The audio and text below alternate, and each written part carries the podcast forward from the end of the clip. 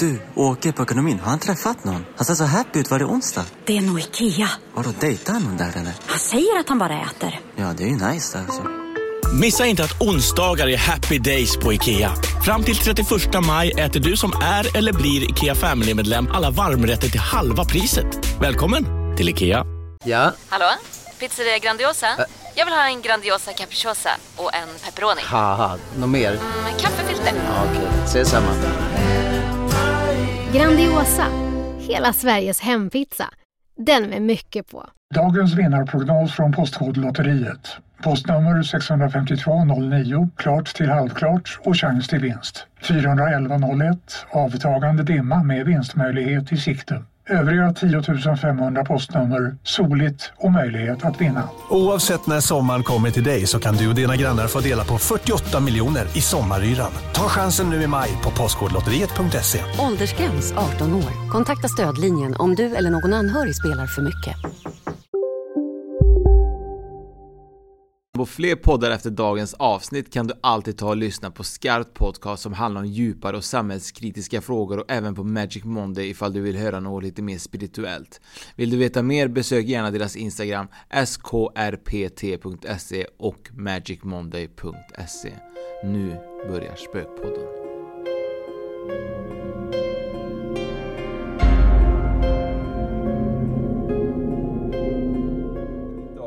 Bonusavsnitt ska jag prata om två olika mysterium. Och det första mysteriet är kring den försvunna kolonin som fortfarande förbluffar miljontals människor runt om i världen. Och det är inget annat än just Rowan Oak-mysteriet. Ett mysterie som är så kusligt och fascinerande att det fängslar en hel värld. Det här fallet är just ett sådant fall. Roanoke Colony var den första brittiska bosättningen i den nya världen, i det här fallet Nordamerika. Den grundades på Roanoke Island, nuvarande North Carolina. Britterna åkte dit 1585 för att försöka etablera en permanent engelsk bas i landområdet Virginia, som britterna gjorde anspråk på. Mellan 1585 och 1587 lämnar flera nybyggare platsen i omgångar för att kunna bygga en fort. Men den sista expeditionen som landsteg den 22 juli 1587 försvann helt spårlöst. Det enda spåren man lyckades finna från de 116 nybyggarna som försvann 1587, som var den tredje expeditionen som hade åkt dit, var några förbryllande inristningar på en stolpe och på ett träd i närheten. På den tredje resan till kolonin fanns det 121 nybyggare med. Expeditionen leddes av engelsmannen John White. Det landsteg på Roanoke 22 juli 1587. Den 18 augusti föddes Whites dotter Eleanor Dare, det första barnet av brittisk härkomst som föds på amerikanska kontinenten. Hon döptes till Virginia Dare. White reste sedan tillbaka till England för att hämta förnödenheter. När hans skepp avseglade mot England befann sig 116 personer, inklusive Virginia Dare, i kolonin.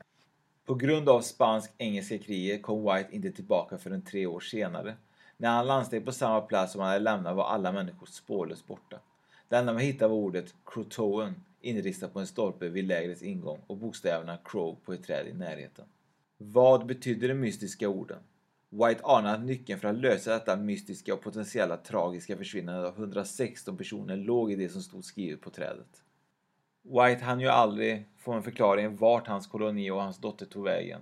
Men det finns flera möjliga förklaringar som har framkommit under dessa 400 år av frågetecken. Vissa tror att nybyggarna inte klarade av det hårda livet på ön och försökte återvända till England, men att deras skepp gick under på resan hem.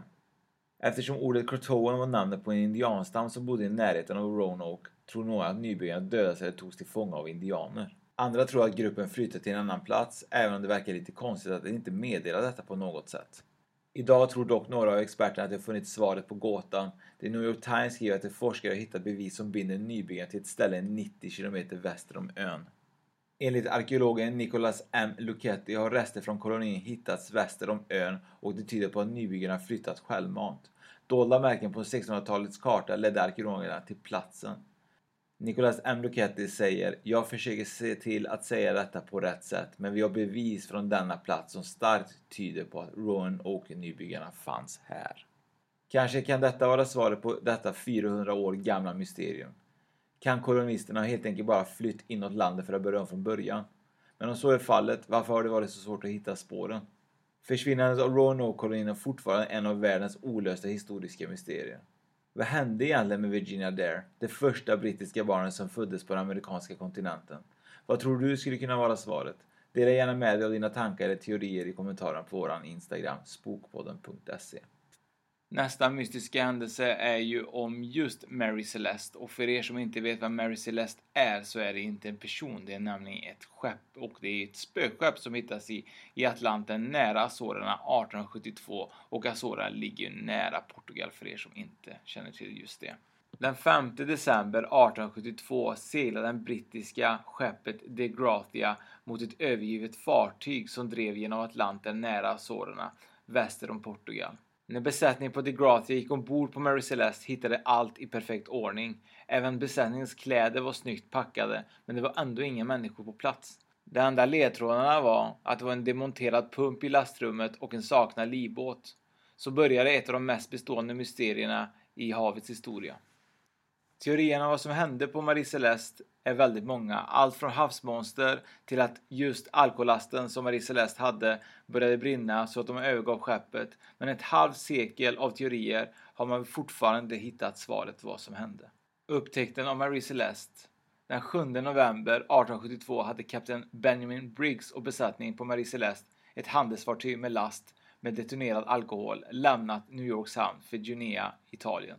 Han tog med sig sju handplockade besättningsmedlemmar tillsammans med sin fru och dotter. De skulle aldrig nå sin destination. Efter att ha lämnat New York kämpade sig Marie Celeste genom förrädiska hav och ylande vindar i två veckor.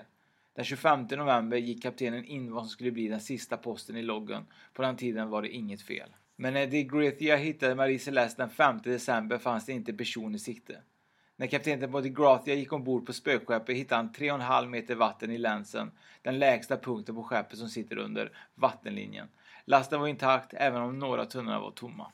Dessutom var spökskeppet fortfarande sjödugligt så besättningen på DeGrathia delade upp sig och tillsammans seglade två fartyg till Gibraltar där de kunde kräva bärgningsrättigheter enligt sjörätten.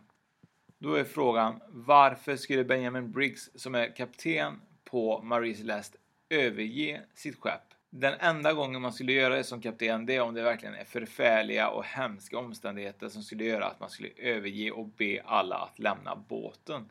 Men skeppet var ju sjödugligt och det var sex månaders mat och det var vatten ombord och alla kaptenens kläder och även alla Eh, besättningens kläder hade ju varit undanstoppade och finvikta i garderoben så att det är ju väldigt, väldigt underligt att de bara hade dragit utan att ta med sig något.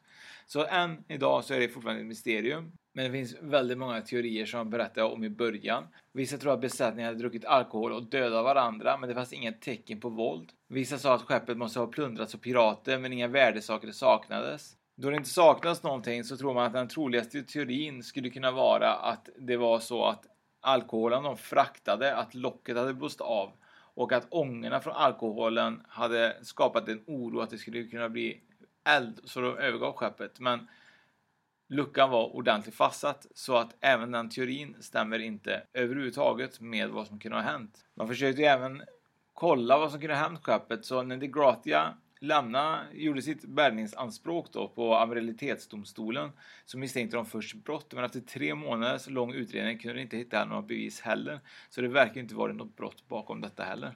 Besättningen på De Gratia fick ju så småningom betalt när de hade lämnat skeppet. Det var bara liksom en sjättedel vad Marie Celeste eh, totala värde var på 46 000 dollar. Myndigheterna var tydligen inte övertygade om deras oskuld. Så de trodde att De Gratia kan ha någonting haft med detta att göra. Vad kan vi dra för slutsatser och vad skulle det kunna egentligen varit det som hände just på Marie Celeste? Vad är egentligen sanningen? Det är nämligen så att 1884 skrev Arthur Conan Doyle sin novell J. Habakuk Jefferson Statement baserad på berättelsen om Marie Celeste. Publiciteten från novellen ledde till en ny utredning om skeppet men inga nya avslöjanden hittades. Slutligen 2002 började dokumentärfilmen Anne McGregor undersöka saken med hjälp av olika moderna metoder. Rekonstruerade hon spökskeppet och drog slutsatsen att kaptenen hade en felaktig kronometer och var hopplöst ur kurs. Marie Celeste var 20 mil väster om där han borde ha varit. Kaptenen förväntade sig därmed att se land tre dagar tidigare än han gjorde. Han ändrade sedan kurs mot Santa Maria, ön som ligger precis vid Azorerna och man tror att han letade just efter skydd på grund av att det var så dåligt, dåligt väder. Men inte ens detta skulle egentligen fått ett kapten att överge sitt skepp. Men McGregor, alltså Ann McGregor som hade gjort eh, den här dokumentären, fick också veta att fartygen nyligen hade monterats om och att det skulle kunna finnas koldamm och skräp från ombyggnationen gör att de pumparna som tar bort vattnet när det väl kommer in inte fungerar riktigt. Och då tror man att det kan varit så att det kommer in vatten i fartygets läns och då kunde kapten Briggs ha beslutat besättningen och han då skulle åka mot just Santa Maria så att de skulle komma på någon form av land och det borde ha minskat deras förluster och helt enkelt försöka rädda sig själva genom att överge fartyget och gå mot land. Men McGregors teorier är inte på något sätt allmänt accepterade eller definitivt bevisade. Men det ligger i alla fall en, åtminstone i linje med någon slags bevisning just med den här demonterade pumpen. Hej, Synoptik här! Visste du att solens UV-strålar kan vara skadliga och åldra dina ögon i förtid? Kom in till oss så hjälper vi dig att hitta rätt solglasögon som skyddar dina ögon. Välkommen till Synoptik. Ah, dåliga vibrationer är att skära av sig tummen i köket. Ja! Bra vibrationer är att du har en tumme till och kan scrolla vidare. Alla abonnemang för 20 kronor i månaden i fyra månader. Vimla! Mobiloperatören med bra vibrationer. Upptäck hyllade XPeng G9 och P7 hos Bilia. Våra produktspecialister hjälper dig att hitta rätt modell för just dig. Boka din provkörning på bilia.se xpeng redan idag. Välkommen till Bilia, din specialist på X-peng. Till exempel. Efter cirka 130 år efter besättningens kusliga försvinnande tror man att man har liksom en bra teori på vad som hände med Marie Celeste. Vad tror ni har hänt med Maurice Celeste och tror ni att han övergav skeppet? Kan det vara så att det var ett sjömonster? Eller tror ni bara att de blev knappa och hoppade ner i vattnet? Vem vet? Men kommentera gärna och skriv gärna er teori om vad det skulle kunna vara i just våran Instagram spökpodden.se. Nu är det så att eh, det var bara inte två historier. Nu kommer faktiskt nästa historia ifrån just Fredrik. Och trodde ni kanske att historierna var slut men eh, det är de inte utan vi kommer fortsätta lite här och jag ska dra två stycken mystiska försvinnanden kan man säga faktiskt. Så att eh, vi drar igång med fallet om den försvunna Jennifer Kesse som försvann i sitt eget hem faktiskt. Och Jennifer Kesse hade allt, en kärleksfull familj, en lojal pojkvän och ett bra arbete. När hon försvann den 23 januari 2006 förstod hennes familj att något hemskt måste ha hänt. Även att man har hittat några gryniga bilder av en person som verkar misstänkt och att Jennifers överblivna bil senare hittades så fortsätter hennes mystiska försvinnanden att jäcka utredarna. Kvällen före den 23 januari kom den 24-åriga Jennifer hem från jobbet och pratade med sin familj i telefon. Hon ringde även sin pojkvän Robert Allen runt klockan 22 och efter detta gick hon och sig för att sova. Följande dag försökte man ringa Jennifer hela dagen och man skickade även flera sms men fick inget svar. Och varför gjorde man det då? Jo, för att hennes arbetskamrater märkte ju då att hon inte kom till jobbet och hon var alltid i tid annars. Så runt 11-tiden så körde hennes föräldrar från Tampa till Orlando för att kontrollera om hon var hemma. De märkte snart att hennes bil saknades men allt annat verkade normalt. Man gick igenom film från övervakningskameror som fanns uppsatta runt lägenhetskomplexet. Dessa visade att en oidentifierad person som lämnade Jennifers bil vid middagstid samma dag som hennes försvinnande. Men tyvärr så doldes alla utmärkande drag hos den misstänkte mannen av dörren till lägenheten som tyvärr skymde bilden i filmen. Journalister som berättade om fallet rapporterar att den mystiska figuren således måste varit den lyckligaste misstänkta personen någonsin. Under åren som följer har polisen bara hittat Jennifers övergivna bil men inte mycket mer. I bilen hittar man bara delar av ett fingeravtryck, vilket är för lite för att man ska kunna avslöja någon användbar information. Dessutom var alla ägodelar i Jennifers bil kvar, vilket tyder på att det inte skulle vara ett rån som har gått fel. I brist på bevis så vänder sig utredarna mot bekanta och vänner till Jennifer, som kanske vet mer. Jennifers bror och pojkvän undersöktes båda mycket grundligt. Även ett ex-pojkvän till Jennifer, men dessa kunde man snart utesluta.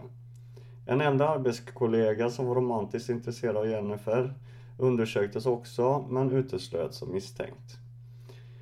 Nu har de kommit så pass långt och man hade fortfarande inga ledtrådar att, att följa upp. För Jennifers kreditkort var oanvänt, hennes mobiltelefon var avstängd och det tycktes som att Jennifer helt hade gått upp i rök. Och nu har det gått 14 år sedan Jennys mystiska försvinnanden. Och man vet fortfarande inte vad som har hänt. Och en eh, polisdetektiv sa så här att Tänk dig att vakna och att din dotter inte finns någonstans. Du kan inte nå henne, du kan inte hitta henne. Polisen kan inte hitta henne. Timmar förvandlas till panik och dagar till din värsta mardröm. Jag kan inte föreställa mig denna mardröm som familjen Kessie måste ha fått gå igenom och fortfarande går igenom. Har ni hört talas om fallet med Jennifer Kesse? Är det någon utav er som vet mer kanske? Ni har hört eller vet någonting om det så får ni jättegärna höra av er till oss. Tyvärr så är inte fallet med Jennifer Kesse det enda i sitt slag som är ouppklarat. Det finns många sådana här fall där polisen står helt utan ledtrådar att följa upp och det är många som drabbas av en sån här tragedi. Familj, vänner, arbetskamrater med mera. Det värsta måste nog vara ovetskapen för de anhöriga om vad som har hänt med de personer som försvinner på detta sätt. Så vi lämnar detta fall med en tanke till alla anhöriga, alla drabbade såklart.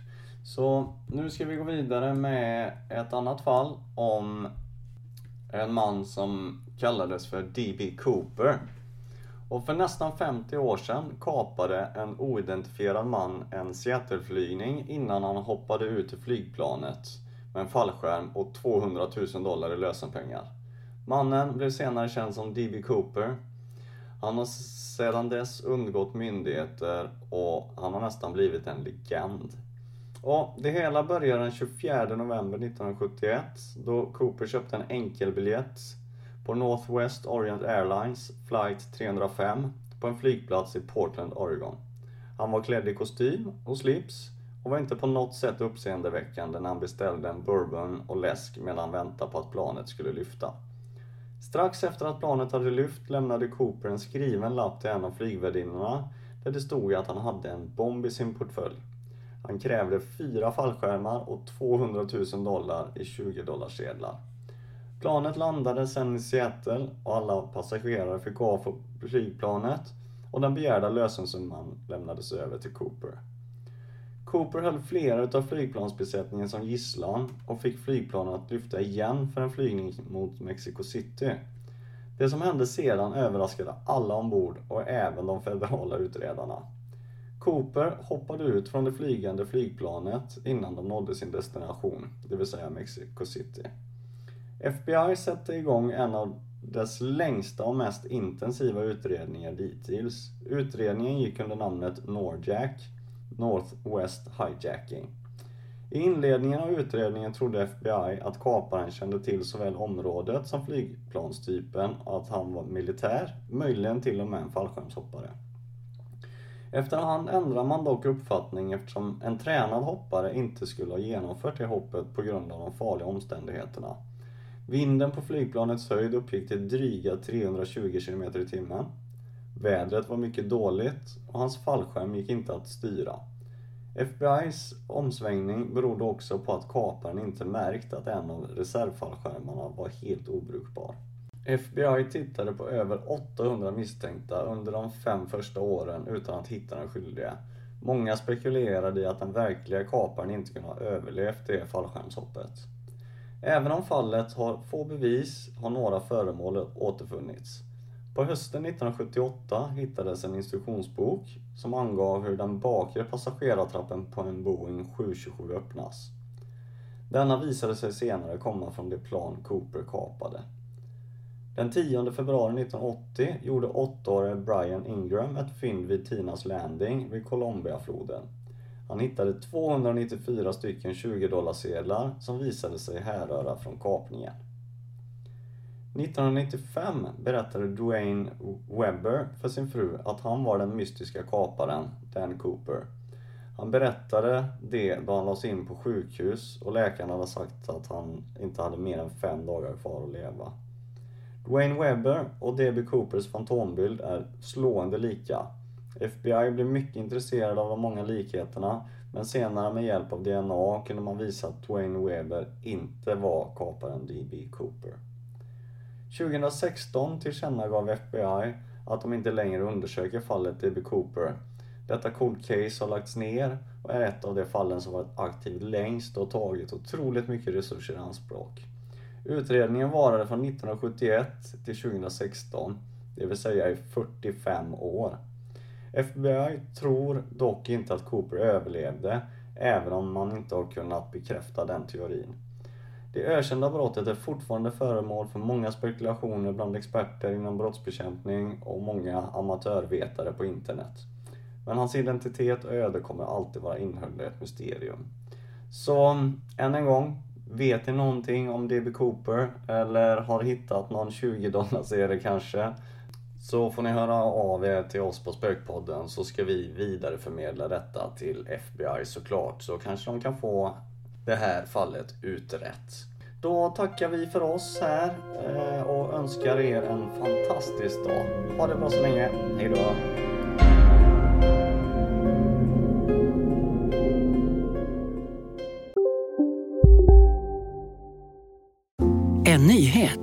Nu kan du teckna livförsäkring hos Trygg-Hansa. Den ger dina nära ersättning som kan användas på det sätt som hjälper bäst. En försäkring för dig och till de som älskar dig. Läs mer och teckna på trygghansa.se. Trygg Hansa. Trygghet för livet. Hej, Susanne Axel här. När du gör som jag och listar dig på en av Krys vårdcentraler får du en fast läkarkontakt som kan din sjukdomshistoria. Du får träffa erfarna specialister, tillgång till lättakuten och så kan du chatta med vårdpersonalen. Så gör ditt viktigaste val idag, lista dig hos Kry. Finns det något bättre än riktigt gott färskmalet kaffe på morgonen? Det skulle väl vara en McToast med rökt skinka och smältost. Och nu får du båda för bara 30 kronor. Välkommen till McDonalds.